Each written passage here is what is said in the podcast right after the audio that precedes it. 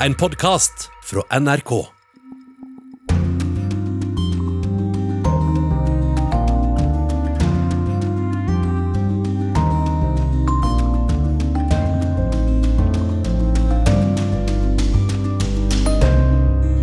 Vil Russland invadere Ukraina?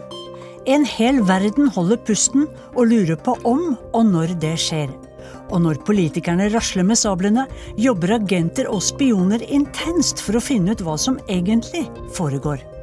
Det er jo fortsatt sånn at man ikke kan lese eh, hjernen til folk, slik at eh, agenter som har kontakter og kanskje mellommenn opp til beslutningstakere på begge sider, vil jo sikkert nå spille en betydelig rolle, vil jeg tro.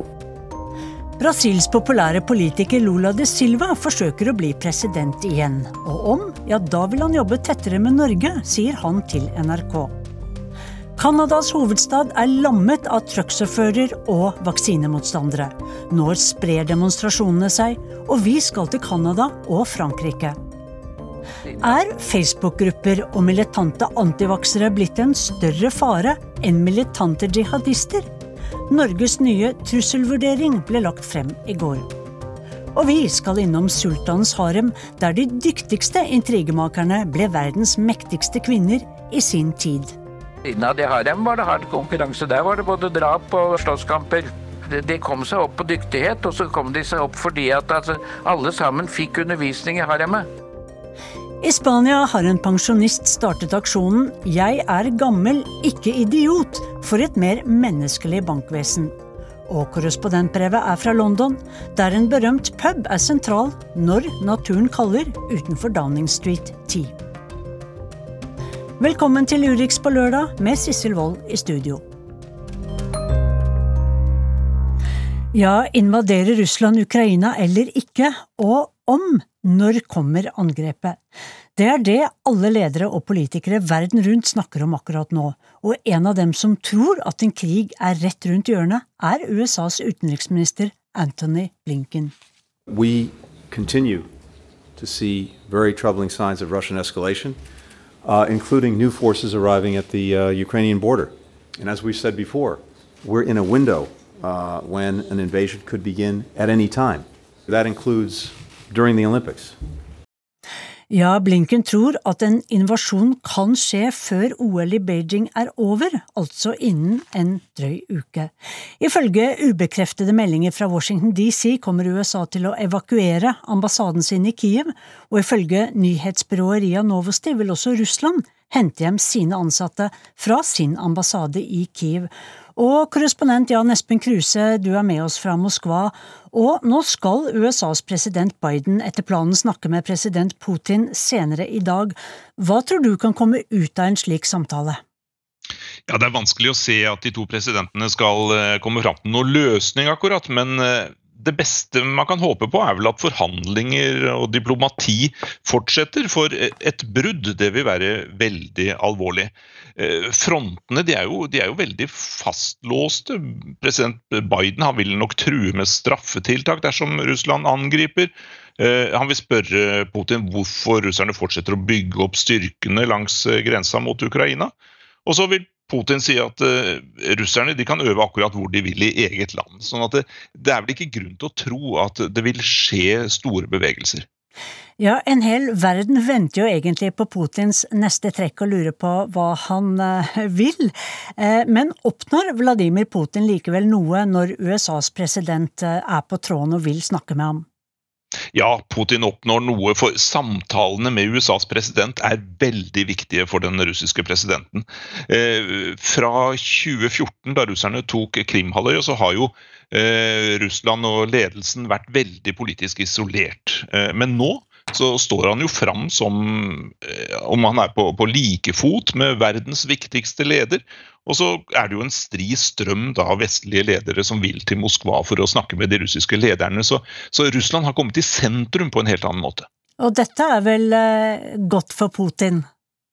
Ja, det er eh, stor stas. Det legger han ikke skjul på. Det legger ikke uh, russiske medier skjul på. Uh, dette med, med, Russlands prestisje det er et viktig element oppi det som skjer nå. Fordi eh, en av de som banket på døren i Moskva i, hos eh, Putin, var jo eh, Frankrikes president Macron, og de satt jo sammen i seks timer ved dette lange bordet som vi nå alle har sett, eh, med president Putin.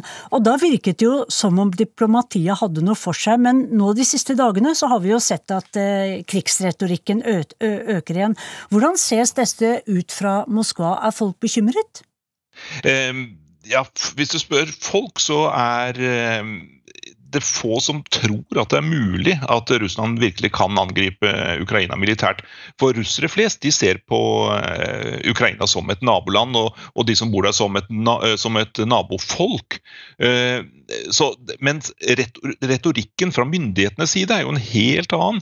En mye, mye mer aggressiv. Og, og, så sier jo russiske myndigheter at de har ikke tenkt å angripe, at det er Vesten som pisker opp et hysteri og en panikk rundt det som skjer. Så uh, det kommer helt an på hvem man spør, hvilket nivå de er på, de som snakker. Men, men det er klart det at når russiske myndigheter begynner å trekke tilbake eh, diplomater fra Ukraina, så er det et, eh, et, tegn som bekymrer mange. Ja, kort til slutt. Eh, hvor mange er det egentlig blant eh, russerne, tror du, som mener at Ukraina er en del av Russlands interessesfære og ikke bør være med i Nato? Nei, Det er vanskelig å si noe prosentandel. Eh, der er meningene veldig delte. De, eh, mange vil nok si at eh, Nato har kommet faretruende nær. Det er det mange russere som er enig i. Men i hvilken grad Russland skal bestemme over Ukraina, der er meningene veldig delte. Takk til deg, Jan Espen. Du følger jo denne spente situasjonen fra time til time. Og det er lenge siden vi har sett en tilsvarende militær spenning mellom øst og vest, men når sabelraslingen øker i styrke, er håpet hos mange at det finnes bakkanaler som kan dempe spenningen, og den norske offiseren Ola Kaldager ledet den tidligere etterretningsgruppen E14, og jeg spurte ham, eh, spurte ham om nettopp dette, at når krigsretorikken stiger og faren for væpnet konflikt bekymrer både politikere og folk, blir landenes agenter en viktig sikkerhetsventil, slik sett en bakkanal? Ja, det kan man til en viss grad. De, de, spiller jo med, de også. Men det er klart at i en sånn situasjon som er i Ukraina i dag, så vil jo alle etterretningsressurser, tekniske satellitter, øh, alt man har til disposisjon i etterretningsverdenen, være rettet mot dette her. Og det intensifiseres ganske kraftig, da. Og, og er jeg håper sagt pinpointa mot Ukraina. Og man forlater kanskje til en viss grad andre interessante områder ak akkurat for denne saken, eh, som begynner å bli såpass varm. Men det er klart, eh, det er jo fortsatt sånn at man ikke kan lese eh, hjernen til folk. slik at eh, agenter som har kontakter og kanskje mellommenn opp til beslutningstakere på begge sider, vil jo sikkert nå spille en betydelig rolle, vil jeg tro, fra alle de land som er involvert her. Ja, akkurat hvilke detaljer er det viktig for etterretningstjenestene å finne ut? Nei, nå vil jeg tro det er å finne ut intensjonene til eh, motparten. Hva, hva, er det Russland egentlig vil med dette her? Eh, selvfølgelig også prøve å finne ut har de vilje til å gjøre noe med det, altså gjøre en invasjon. Det er jo ting som nå står høyt på agendaen tror jeg, for alle etterretningstjenestene. Å finne ut av det. Det som, som jeg registrerte nå, er jo at sanitetsenheter og sånt nå begynner å deployeres tett opp til grensa til Ukraina. Det er et sånt tegn som etterretningstjenestene da plukker opp, og som klart gir indikasjoner på at noe er i gjære. At kanskje her ser for meg at eh, her kommer til å bli sårede personer og soldater i, store, i stort antall, og at man har da muligheten til å ta vare på dem. Men for de som jobber med etterretning og som er agenter og spioner, det å dele forsvarshemmeligheter med fremmede makter, det er jo å ta en veldig stor personlig risiko. For det er jo, eh, den ene vil jo alltid være forræder eh, for sitt land. Eh, men er det også viktig fordi at det kan hindre at konflikter spinner ut av kontroll? Ja, så tror jeg man må, liksom, man må man må eh, dele det inn i to. da. Du har jo eh, våre etterretningsoffiserer, da, eller eh, våre spioner, de vil jo ha kilder da, på den andre siden. Og det er de kildene da som, som, som, kan selvfølgelig bli forrædere. Og noen ganger så, så, så, skjer det vel at de gir opplysninger fordi de syns at situasjonen har kommet ut av kontroll, og at de kanskje forsøker da å hindre en videre eskalering av situasjonen. Det, det er jo mellommenn og sånt noe her, da. De, det, er, det, er, jo vanskelig liksom å nå det, hovedaktørene som Putin og sånt, men, men, Putin har jo folk rundt seg og nedover i systemet. og så kan man via de da hente inn informasjon. Hva er det som er tankegangen bak dette her, og sånn. Og, og, å kalle de forrædere er kanskje litt drøyt, da, men, men, noen er jo det også, og gjør ting for penger og for posisjon og sånn. Men uh, muligheten for å sende beskjeder gjennom dette systemet er jo til stede, og det vil jeg jo tro foregår. Altså uoffisielle eh, beskjeder og meldinger om eh, hva som er eh, på gang, det skjer nok nå i ganske stor grad, vil jeg tro. Eh, sånn at man kan berolige partene. Eh, det er jo veldig mange som forsøker å lese president Putin nå, og finne ut eh, hva er det egentlig han vil. Men all denne krigsretorikken som vi har sett de siste ukene, de er vel også beregnet for et hjemmepublikum? Det er jo innenrikspolitikk også ofte? Helt klart at uh, i øst så er det jo det, men det som er jo kanskje uh, Eh, paradokset her, da, det, er jo at ved å gjøre dette, så forsterkes jo kanskje samholdet i Nato, spesielt i de mindre nasjonene. Og du kan vel kanskje se for deg en, allerede en opprustning da, på Natos side. Det er jo ikke akkurat det som Putin kanskje har øverst på ønskelista si. Spionyrket er jo en av verdens eh, eldste yrker, men etter at internettet kom, så får vi jo tilgang til så vanvittig mye informasjon. Så er etterretning og agentvirksomhet like viktig som før? Ja, til en viss grad, men det er klart det som man liksom kaller for åpne kilder, det, det, blir mer og mer vanlig da, og vektlegges i alle etterretningstjenester. Eh, det er utrolig hva man finner på internett og i andre medier rundt forbi.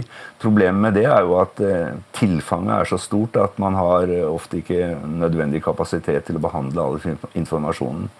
Men, eh, men, at åpne kilder blir mer og mer viktig, det ser man jo på at eh, de fleste etterretningstjenester bygger opp betydelig kapasitet på den siden. Eh, Ola Kaldager, du er jo pensjonert eh, fra Etterretningstjenesten, og nå er du varaordfører i Gildeskål. Men eh, når, det er sånn, eh, når det er høyspenning i verden som nå, lengter du litt tilbake til det gamle yrket ditt?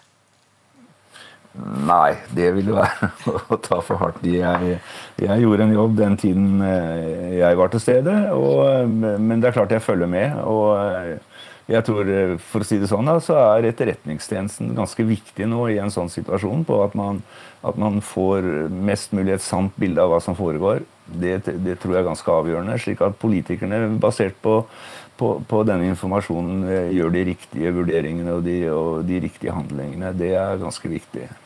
Det er veldig viktig, for å si det rett ut. São milhões de lulas povoando este Brasil, homens e mulheres, noite e dia a lutar por um país justo independente.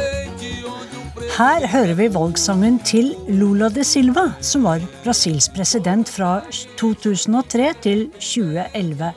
Lula var en av Brasils mest populære politikere, og nå forsøker han å bli president igjen. Og meningsmålingene de ser gode ut for ham. Hvis jeg vinner valget, ønsker jeg at Brasil skal jobbe tettere med Norge. Det sier Lula de Silva i et intervju med Arnt Stefansen og NRK. Jeg har en relasjon relação a Jeg har hatt et forhold til Norge helt siden jeg var fagforeningsleder på 1980-tallet, sier Lula da Silva. Som president besøkte jeg Norge, og jeg var vert for den norske kongen og for to norske statsministre her i Brasil. For meg er det norske samfunnet et forbilde, sier den tidligere presidenten i intervjuet som NRK gjør med ham i det brasilianske arbeiderpartiets hovedkvarter i Sao Paulo. Ofte er det slik her i Brasil at vi sammenligner oss med land som er fattigere enn oss, smiler Lula da Silva. Vi skal ikke glemme de fattige, men jeg mener at vi bør drømme om å oppnå den samme levestandard som det norske folk har. Skape et like rikt og rettferdig samfunn. Og hvis jeg vinner høstens valg, vil jeg gjenopprette det gode og nære forholdet vi hadde til Norge i min forrige periode som president, sier han. O Brasil que seguir Lula da Silva var president i Brasil fra 2003 til 2011. En periode med stor økonomisk vekst, sterk nedgang i avskogingen i Amazonas og med en sosial utjevning som brakte mer enn 30 millioner mennesker ut av fattigdommen. São. Da Lula gikk av, sa mer enn 80% av brasilianerne at de var tilfreds med hans styre. Men på ett område sviktet han og hans parti sine velgere. Fem år etter Lulas avgang er Brasils gater fylt av demonstranter som fordømmer den omfattende korrupsjonen innen det regjerende Arbeiderpartiet og i andre partier. En omfattende korrupsjonsjakt settes i gang, og en rekke samfunnstopper, blant dem Lula da Silva, blir tiltalt og dømt.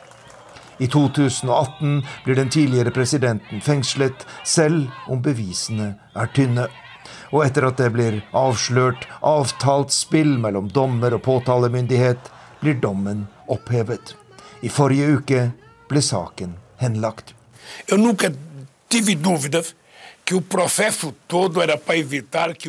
jeg var aldri i tvil om at denne prosessen hadde som mål å hindre at jeg kom tilbake som leder for dette landet, sier Lula da Silva. De ønsket ikke en president som står for sosial rettferdighet, som støtter fattige, urfolk, svarte og seksuelle minoriteter, sier han. Mens Lula satt i fengsel, ble denne mannen høyrepopulisten Jair Bolsonaro valgt til president i Brasil. Bolsonaro er en svært omstridt leder som har fått voldsom kritikk bl.a. for sin håndtering av pandemien, for avskogingen i Amazonas og for sitt forhold til menneskerettighetene.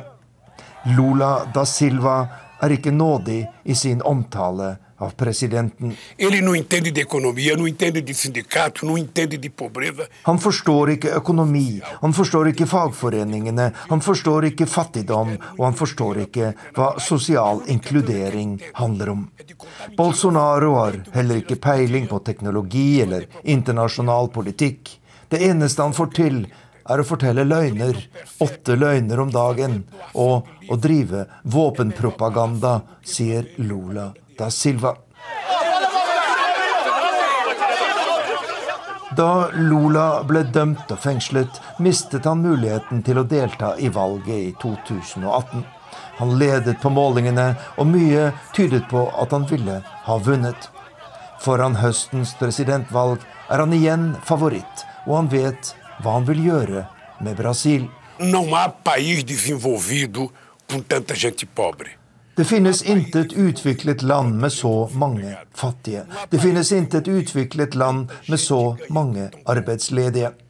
Min første prioritet er, som det alltid har vært, å gi Brasils fattige et bedre liv. Gi alle dem som er uten jobb og som ikke studerer, en ny sjanse, sier Lula da Silva i intervjuet med NRK.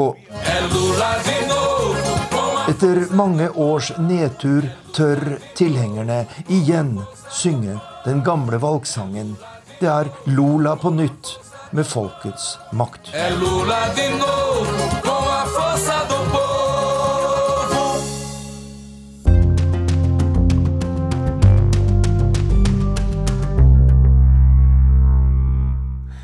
Klokken ett i natt gikk fristen ut for demonstrantene for å fjerne seg fra Ambassador Bridge, den viktige handelskorridoren som forbinder Canada med USA. I to uker har lastebileiere, bileiere og folk til fots lammet både grenseoverganger og sentrum av Canadas hovedstad Ottawa. Demonstrantene sier at de vil tvinge gjennom avvikling av koronatiltak og får slutt på kravet om vaksinering. Og nå sprer aksjonene seg til flere andre land. Det skal vi komme tilbake til, men først til Ottawa i Canada, der jeg snakket med vår mann Lars Os like før helgen, og jeg ba ham om å beskrive situasjonen. Det er vanskelig å kjøre inn hit eh, på en radius på fire-fem kvartal rundt parlamentsbygninga så er de fleste forretninger stengt, fordi at eh, mange innbyggere i Ottawa har ikke noe særlig lyst til å komme ned hit. De syns det er litt ubehagelig at det, det er mye eh, lastebiler og mye folk som, som demonstrerer. Eh, men ute i gatene på dagtid så er det mye folk som går rundt. Du ser folk med, spesielt som kler seg med canadiske flagg.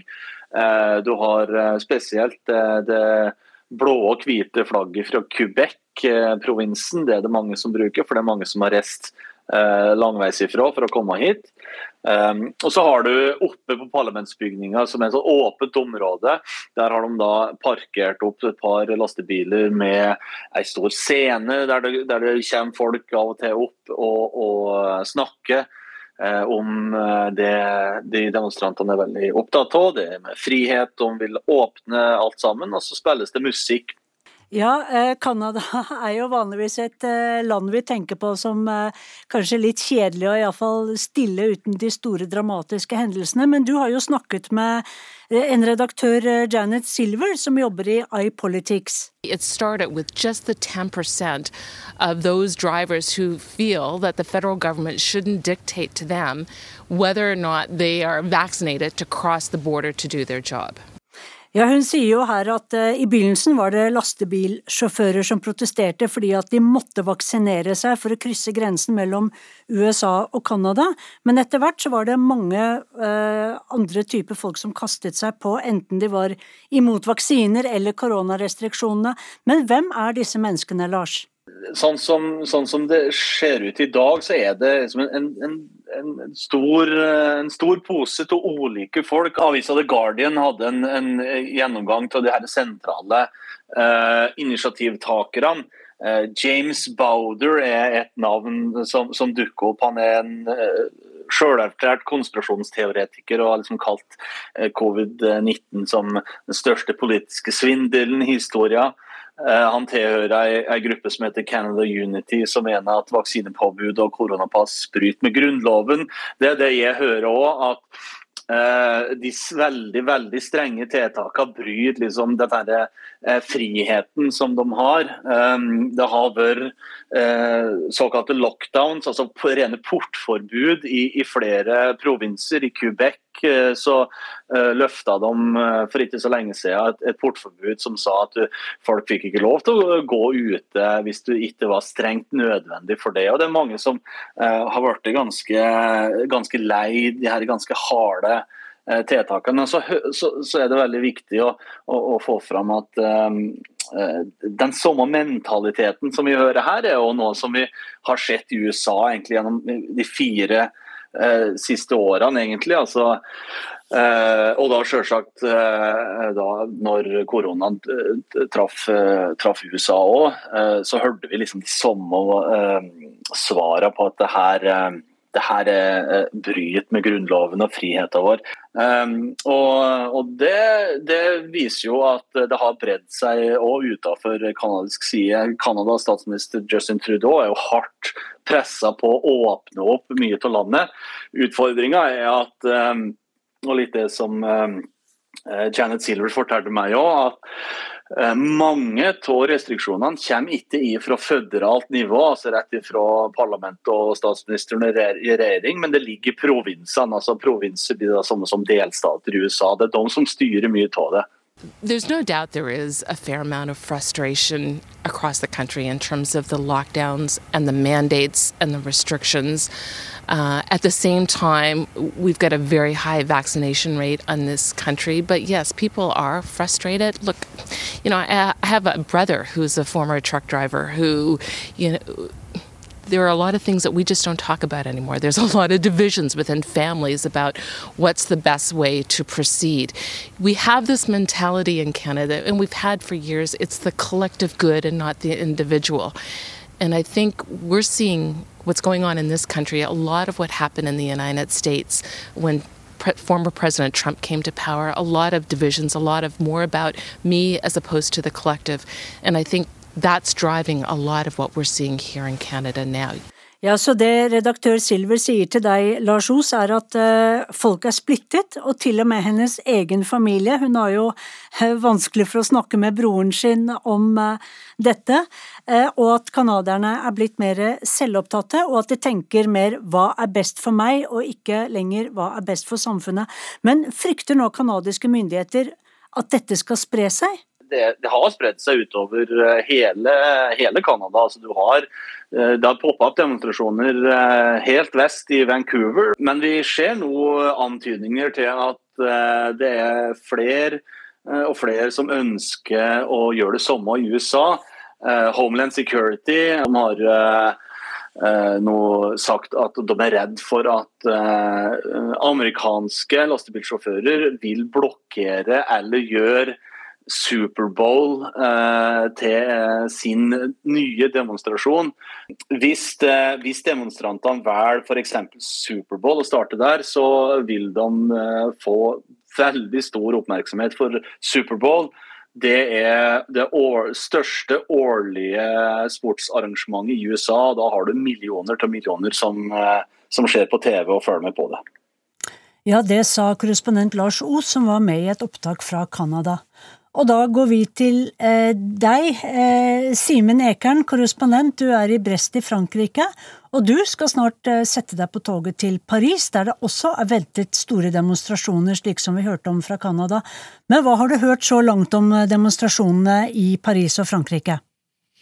Ja, De siste par dagene så har eh, det reist biler fra alle hjørner av Frankrike. Her i, i Brest så var det avgang torsdag morgen for en del. Eh, biler og campingbiler og, lastebiler. Dette er jo ikke trucksjåfører med trucker, som det vi har sett i Canada. For, for her i Frankrike så eier ikke trucksjåførene trøkkene sine selv, så det har de ikke anledning til. Så det ser mer ut som uh, en litt mer sånn eklektisk gruppe ferierende som er på vei til, til, Paris. Mange av dem har overnattet utenfor hovedstaden i natt, og i dag morges ble de første arrestert og bøtelagt av 7200 politimenn som står klare. Denne demonstrasjonen, eller blokaden som er varslet, er erklært ulovlig, og, og fransk politi og, og, franske myndigheter har sagt at de kommer til å slå eh, ganske hardt ned på forsøkene på å sperre eller blokkere eh, veiene i hovedstaden eh, i dag.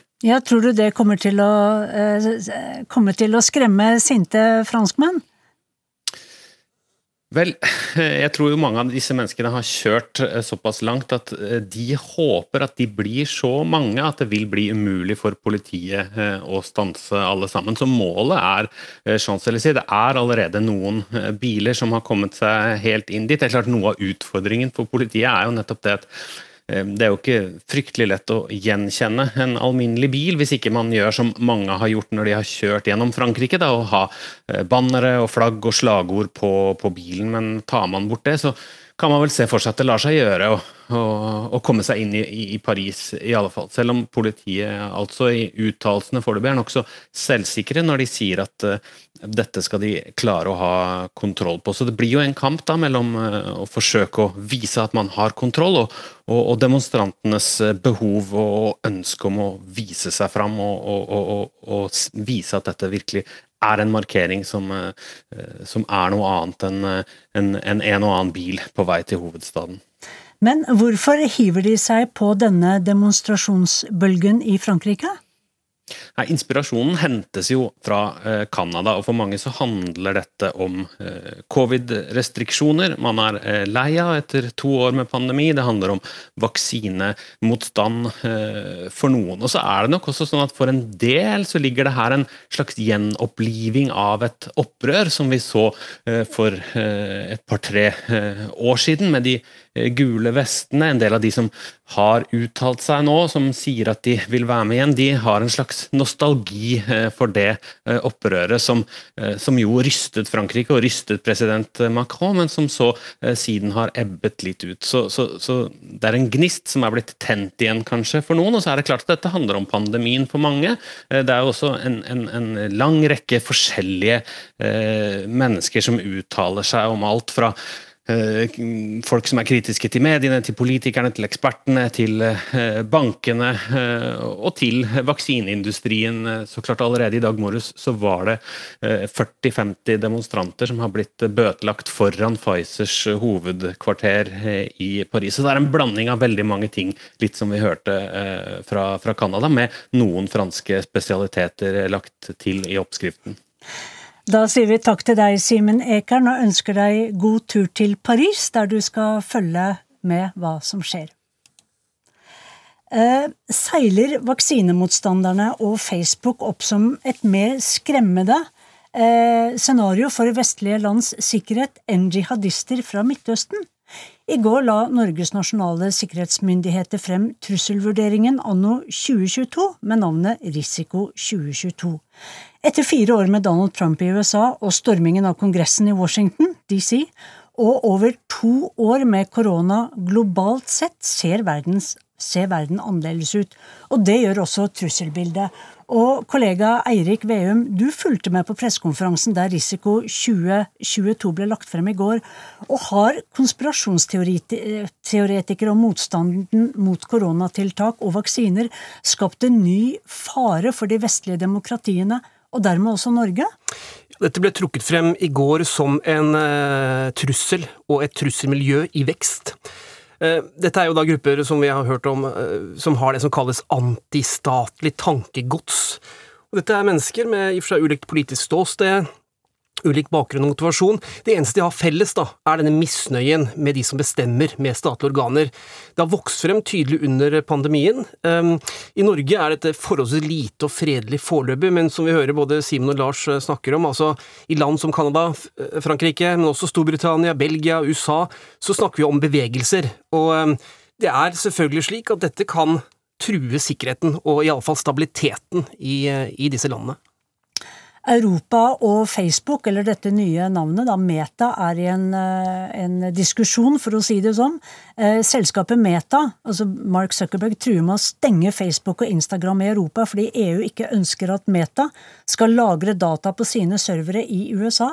Er dette også en kamp om å holde mer kontroll, kanskje da for etterretningen, over aktiviteter av disse gruppene på Facebook, tror du? Ja, det kan du si. I alle fall er det en kamp om hva informasjonen om oss da kan brukes til, og hvordan vi kan bli overvåket, og hvordan aktiviteten vår kan da bli registrert av sikkerhetstjenestene. I EU er det da svært eh, strenge personvernregler, eh, men i USA så er det jo annerledes, og det er det striden står litt om. Men klart, hvis vi løfter det litt opp, og ser på det da i, i for seg et sånt samfunnssikkerhetsperspektiv, så ser vi jo at sosiale medier, eh, og slik har det vært over flere år, blant annet blant disse gruppene vi nå hører om, det er ekstremt viktig da for miljøer som opererer da i dette grenselandet mellom å være kall det en interessegruppe, et uformelt nettverk, og da miljøer som kan utgjøre en sikkerhetsrisiko. Og det er klart, mye av den motstanden som samler seg i slike miljøer, og så retter seg mot myndighetene, de har ofte denne felles digitale kommunikasjonsplattformen. Der er kommunikasjon åpen, eh, og det kan, i alle fall på sikt, være sånn at flere land, også det vi kaller moderne demokratier, som Norge, på sikt kanskje ønsker å overvåke og begrense eller kontrollere det som foregår der. Eh, siden eh, angrepene i USA fra Al Qaida i altså 11. september, så har vi jo vært vant til at trusselen mot det vestlige samfunnet er fra jihadistgrupper som IS og Al Qaida. Har de, har de forsvunnet? Er de ikke så farlige lenger? Ja, det er flere interessante trekk av det som ble lagt frem av Etterretningstjenesten i går. Vi ser at vestlige land som USA og Storbritannia, de har jo redusert sin militære tilstedeværelse i flere land, særlig muslimske land. Og det vi ser der, er at islamistgrupper og nettverk som eh, IS og Al Qaida, de er blitt mindre opptatt av vestlige mål. Og Det gjelder både potensielle terrormål i deres nærmiljøer, men også mål i, da, i vestlige land, som Norge. Og Risikoen er ikke borte, men den er blitt mindre, ser det ut til. Det er vurderingene som, gjør, som gjøres. Så et annet interessant trekk er at der hvor Vesten trekker seg ut, så kommer Kina og Russland inn. Og det man da mener å se, er at terrorgrupper har mer oppmerksomhet mot dem enn da mot vestlige mål. Samtidig så ser vi også at der hvor vestlige land trekker seg ut, så spirer og gror det bedre for terrorgruppene. Eh, de får større handlingsrom, og vi ser særlig i Sahel-regionen i Afrika, i land som Mali, Burkina Faso og sånn, så, så ser vi at det er vekst av terrorgrupper. Og i enkelte områder så har terrorgruppene full kontroll. De styrer, slik vi så det i Syria og Irak for noen år siden. Men går det an å konkludere med at trusselen fra egne lands eh, statsborgere, altså som finner veien til disse Facebook-gruppene, og som organiserer seg der, og som er misfornøyd med demokratiske styresett, er, er en større fare for, eh, for, land som Norge og Europa enn eh, jihadistgruppene akkurat nå? Ja, det er en annen type trussel. Den er mer åpen og synlig, og den rammer jo ikke på den samme sjokkartede måten som et terrorangrep. Den sprer også mindre frykt. Men det er klart det er en trussel mot etablerte, trygge samfunn som, som Norge. Og det er klart når store befolkningsgrupper finner sammen, der det er en risiko for at også aktivister tar i bruk voldelige metoder, får med seg en, en, en, en, større gruppe, så kan det spre uro og virke destabiliserende på et samfunn, og på sikt være en trussel. Og en terrortrussel utenfra, slik vi har hatt det, den, den skaper jo samhold eh, i et land. Når det begynner å koke innvendig, innenfra, så kan det på sikt være en, en atskillig like alvorlig trussel som et eh, terrorangrep. Da sier vi tusen takk til deg, Eirik Veum, og så går vi på harem.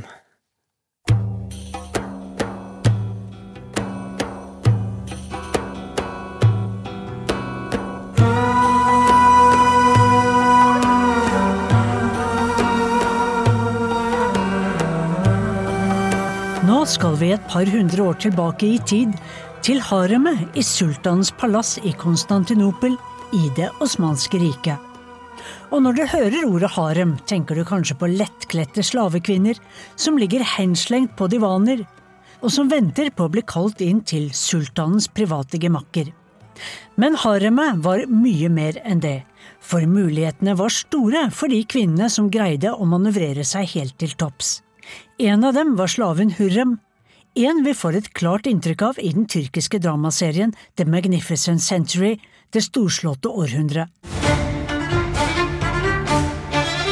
Serien handler om livet i palasset og i haremet på 1500-tallet, under sultan Suleiman den store, da det osmanske verdensimperiet var på sitt mektigste.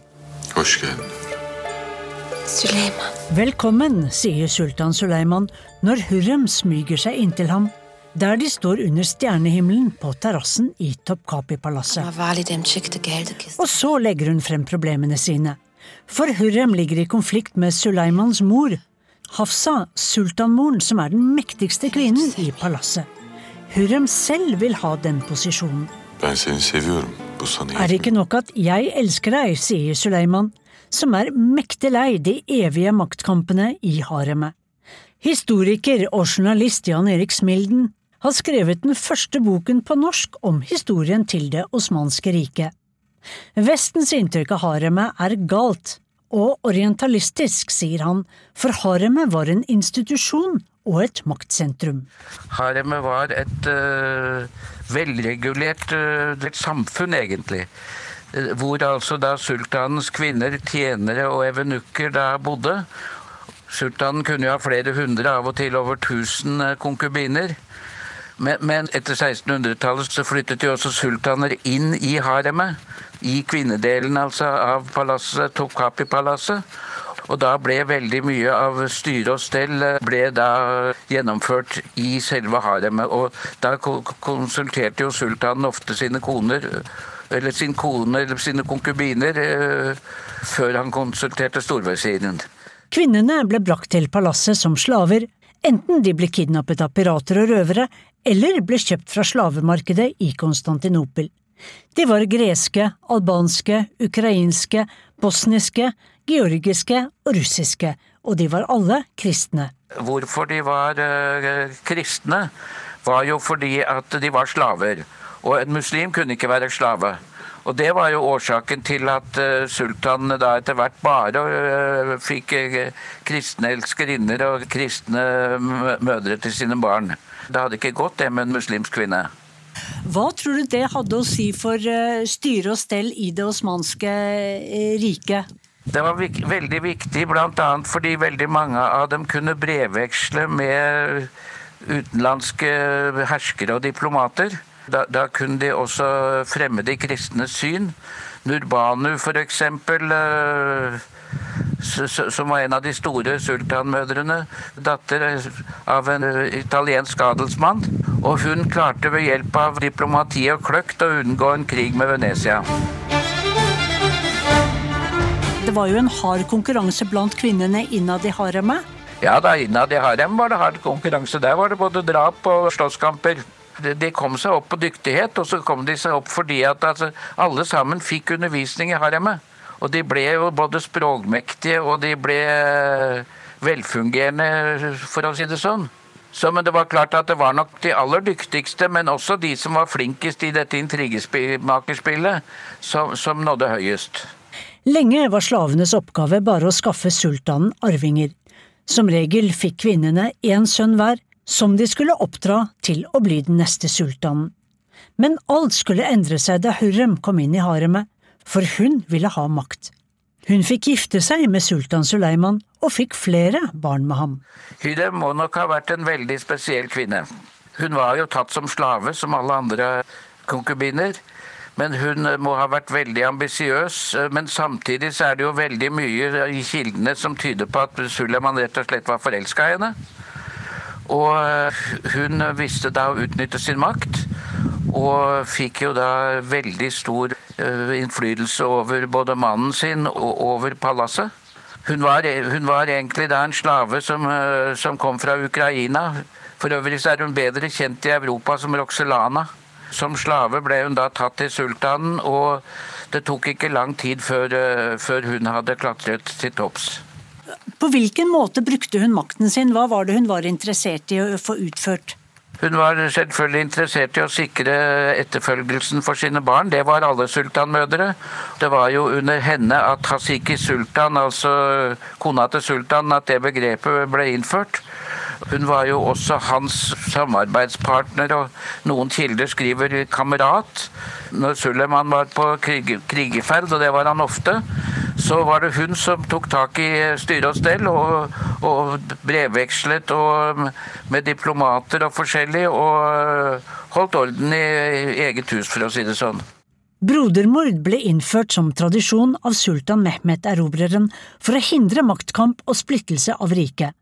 Den som ble ny sultan, skulle drepe brødrene sine. Og riktig blodig ble det i 1595 da Mehmet 3. drepte alle sine 19 brødre. Men da fant alle ut at dette gikk over styr, og da satte de istedenfor at sultanene skulle drepe konkurrerende brødre, så satte han dem i noe som ble kalt Det gylne buret, som var et luksusleilighetskompleks ved siden av haremet. Og der satt de i mange år, og mange ble både litt gale og alkoholikere. Og det styrka sultanmødrenes posisjon veldig mye, for da måtte, de, da måtte de styre for sine udyktige sønner. Etter flere hundre år ble haremet utdatert, men varte kanskje lenger enn du ville tro. For sultanens harem ble først avviklet i I 1909. Det er ganske så ble sent. haremet avska ja, så sent. Da ble haremet avskaffet. Da ble favorittkvinnene til sultanen Sultanen fikk være med han.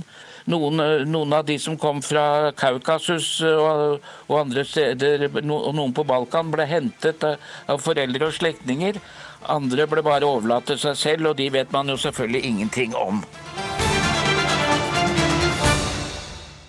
Ja, vi hørte Jan Erik Smilden, som akkurat har skrevet en bok om Det osmanske rikets historie. Og fra pensjonerte haremskvinner i Det osmanske riket skal vi til dagens harde realitet for pensjonister i Spania. Under slagordet Jeg er pensjonist, ikke idiot, har en 78 år gammel spanjol gått i kamp mot det han mener er bankenes mangel på kundeservice overfor de eldre. There is nothing quite as wonderful as money. There is nothing quite as beautiful as cash. Ingenting er så bra som penger, synger Monty Python i denne klassikeren fra 70-tallet. Men så var det det med å ta hånd om pengene sine da, kunne betale regningene, ha oversikt over kontoene, kunne ta ut av minibanken, osv. Det er ikke bare bare for mange eldre som ikke har vokst opp i den digitale tidsalderen. I Spania så gjelder det ti millioner pensjonister, og det vil en av dem gjøre noe med. De que me movieron a iniciar esta campaña, que fueron las más vulnerables, las que no se han enterado ni siquiera, las que no han podido firmar y las que jamás llegarán a tener un acceso. Folkene som fikk meg til å starte denne kampanjen, er de mest sårbare. De som aldri vil få tilgang til den digitale verden. Det forteller 78 år gamle Carlos San Juan. Han jobbet som lege fram til han ble pensjonist. Tross et skarpt hode møtte han veggen da han fikk parkinson, og skjelvingen på hendene gjorde det vanskelig å ta ut penger fra minibanken. Svaret fra banken var at han kunne logge seg på en app eller PC. Nå har han startet en kampanje under slagordet Jeg er gammel, ikke idiot, for en mer human behandling i bankene. Og utallige pensjonister står nå fram med sine historier. para sacar dinero hasta las 11. O sea, eh, la gente mayor normalmente pues hasta las 11 pues está haciendo cosas en, en Mange steder i Spania kan man ikke gå inn i en bank og få hjelp etter klokka 11 på formiddagen, for da er det stengt. Mange eldre har da knapt stått opp, og dermed får vi ikke noe personlig hjelp. Det forteller 71 år gamle Ignacio Garcia. Han sitter i en park i Madrid mens han snakker med journalistene fra nyhetsbyrået Ap.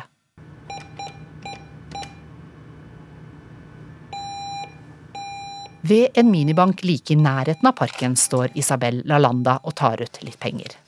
Iført sjokkrosa munnbind, en kul hatt og en pelskåpe, så er det ingenting som tyder på at denne 82-åringen har gått ut på dato. Men det er slik hun føler seg. For å ta ut litt penger er det eneste hun har med sin økonomi å gjøre. Yo mm, es que ya tengo 82 años y yo dejo mucho toda esta historia en manos de mi porque estoy un poquito desplazada. Soy mayor. Alt som har med banken min å gjøre her, må jeg overlate til min datter.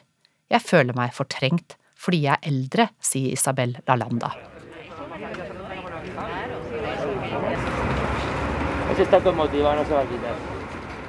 Det knipses i kameraer, og en haug pressefolk samler seg rundt Carlos San Juan i Madrid. Han holder fram en stor boks hvor han ved hjelp av kampanjen sin har samlet inn over 610 000 underskrifter for å få bankene til å bedre sin personlige kundeservice. Kampanjen har fått nasjonal oppmerksomhet, og selv unge reagerer. Los bancos tratan a la gente mayor fatal. Todos mis familiares que son mayores de 70 están completamente desatendidos. Mi abuela, mis tías 22 år gamle Christina Palacio synes at bankene behandler de eldre dårlig. Alle hennes slektninger som er over 70 år, både besteforeldre og tanter, er helt avhengig av henne for å hjelpe dem med økonomien. Hun mener problemet tar verdigheten fra de eldre. Og Johan sin kampanje har nå nådd de som bestemmer i landet. Y ahora nos hemos dado cuenta de que las personas mayores, incluso en el ámbito urbano, no están teniendo el servicio que, que merecen. Vi innser at eldre mennesker ikke får den servicen og hjelpen de trenger, sier minister for økonomi og digitalisering, Nadia Calvino. Hun tok denne uken imot alle underskriftene og lover at de skal kontakte finanssektoren og komme opp med løsninger til beste for de eldre.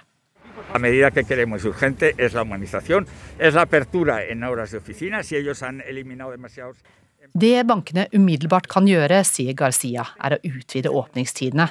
De har jo nok ansatte med gode lønninger, så det skulle ikke være noe problem. Han ser fram til å kunne ha full kontroll over sin økonomi og forvalte sine penger i mange år framover.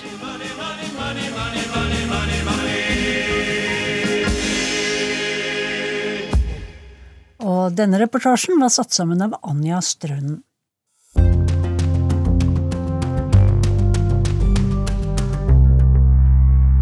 Nå til et korrespondentbrev som avslører noen av de dilemmaene våre utegående reportere står i når nyhetstrykket er stort og naturen kaller. Men som Gry Blekastad Almås har erfart i London, så kan også en slik situasjon føre til ny og interessant kunnskap. Jeg er så tissetrengt at jeg holder på å gå i lufta. Men utenfor Downing Street nummer ti har jeg ikke tilgang til noen do. Heldigvis er redningen nær. Det er nok en hektisk dag. Jeg står utenfor Downing Street, der den festglade statsministeren og hans indre kjerne har sørget for at det har vært nok å rapportere hjem fra den siste tiden.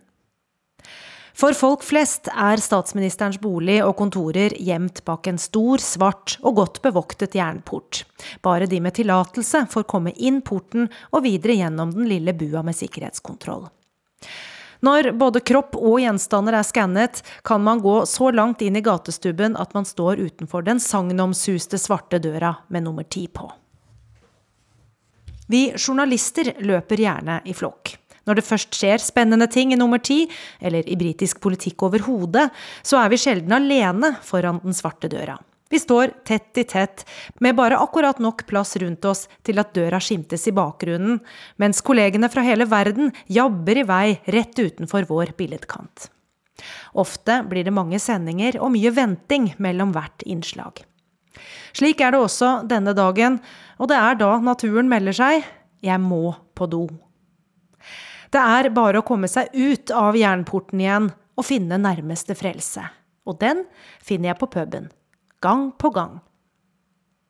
Puben The Red Lion ligger tvers over gaten fra Downing Street, på vei mot parlamentet. Ofte er det stappfullt av folk både utenfor og inni. Takket være beliggenheten er klientellet en uskjønn blanding av tilfeldige turister og britiske toppolitikere. Jeg presser meg gjennom trengselen og opp den smale trappen som leder til toalettene. To svarte, tunge tredører, ikke ulike dørene i Downing Street, leder inn til herligheten. Herretoalettet har fått nummer 11 på døra, og damedo er nummer 10. Jeg letter altså på trykket bak den døra jeg nettopp forlot, på en måte. Boris Lied, 'People Died' noen har skriblet på innsiden av den trange båsen der jeg nå fikler på meg kåpa igjen. Det nærmer seg en ny sending om Partygate. Over damedøra henger en rød veske. Over herredoen en rød koffert. Kofferten er en etterligning av den finansministeren hvert år har statsbudsjettet i når det legges frem. Det er et årlig ritual at han holder den røde kofferten frem for oss journalister på utsiden når han kommer ut av sin dør i Downing Street nummer 11 for å legge frem budsjettet. Nummer ti er som kjent statsministerens dør. Selv om han egentlig bor i en leilighet over nummer 11. Den er visstnok større enn leiligheten i nummer 10. Dameveska over pubens nummer 10 er vel en referanse til Margaret Thatchers regjeringstid, vil jeg tro. Hun var jo kjent for å klamre seg til veska si. Eller kanskje til Teresa May. Jeg gjestet toalettet her også den dagen i 2016, da britene fikk sin andre kvinnelige statsminister. Da var det kamp om plassen blant oss journalister i Downing Street, da. David Cameron og hans familie hadde nettopp gått kanossagang forbi oss og forlatt det som hadde vært deres hjem i seks år. Han hadde feilberegnet britenes støtte til EU og trakk seg da folket stemte for å forlate Den europeiske unionen. Jeg gikk på do innimellom Teresa Mays utnevnelser av nye statsråder. Og da jeg kom til The Red Lion den gang, møtte jeg den helt ferske brexit-ministeren, David Davis, der. Om han feiret eller tok de sorgene som skulle komme på forskudd, det er ikke godt å si.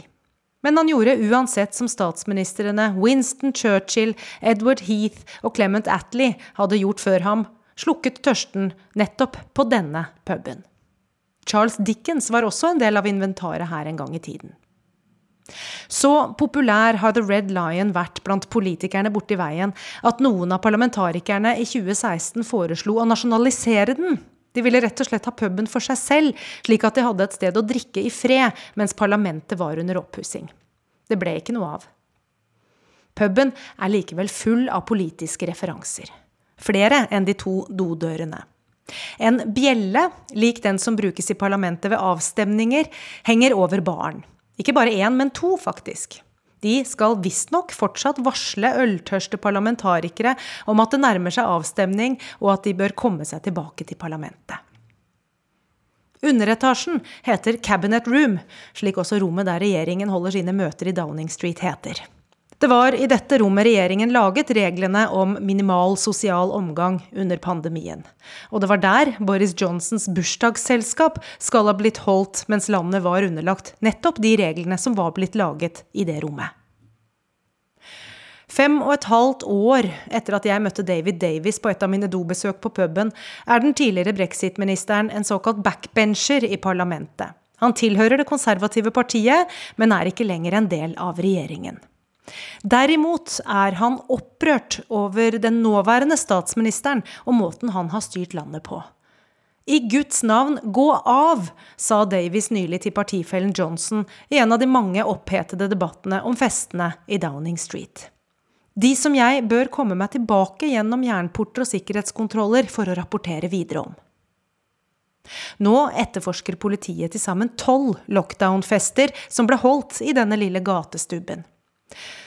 Mens jeg småløper ut av puben og over gaten, lurer jeg på hvorfor ikke også Boris Johnson er blitt stamgjest på The Red Lion, slik noen av hans forgjengere ble. Han er tilsynelatende glad i en fest, men han har jo ikke trengt å gå over gaten. Det virker som om de har hatt nok å drikke på inne i Downing Street nummer ti. Og på innsiden har de nok doer også, tenker jeg. Selv blir jeg nødt til å returnere til puben. Det er ikke det verste her i livet. Urix på lørdag takker for laget, og husk at du kan høre sendingene våre når som helst som podkast. Teknisk ansvarlig for denne sendingen Bobo Bjørnskjold. Produsenter var Tom Ingebrigtsen og Anja Strunden. I studio Sissel Wold, og vi ønsker alle fortsatt god helg.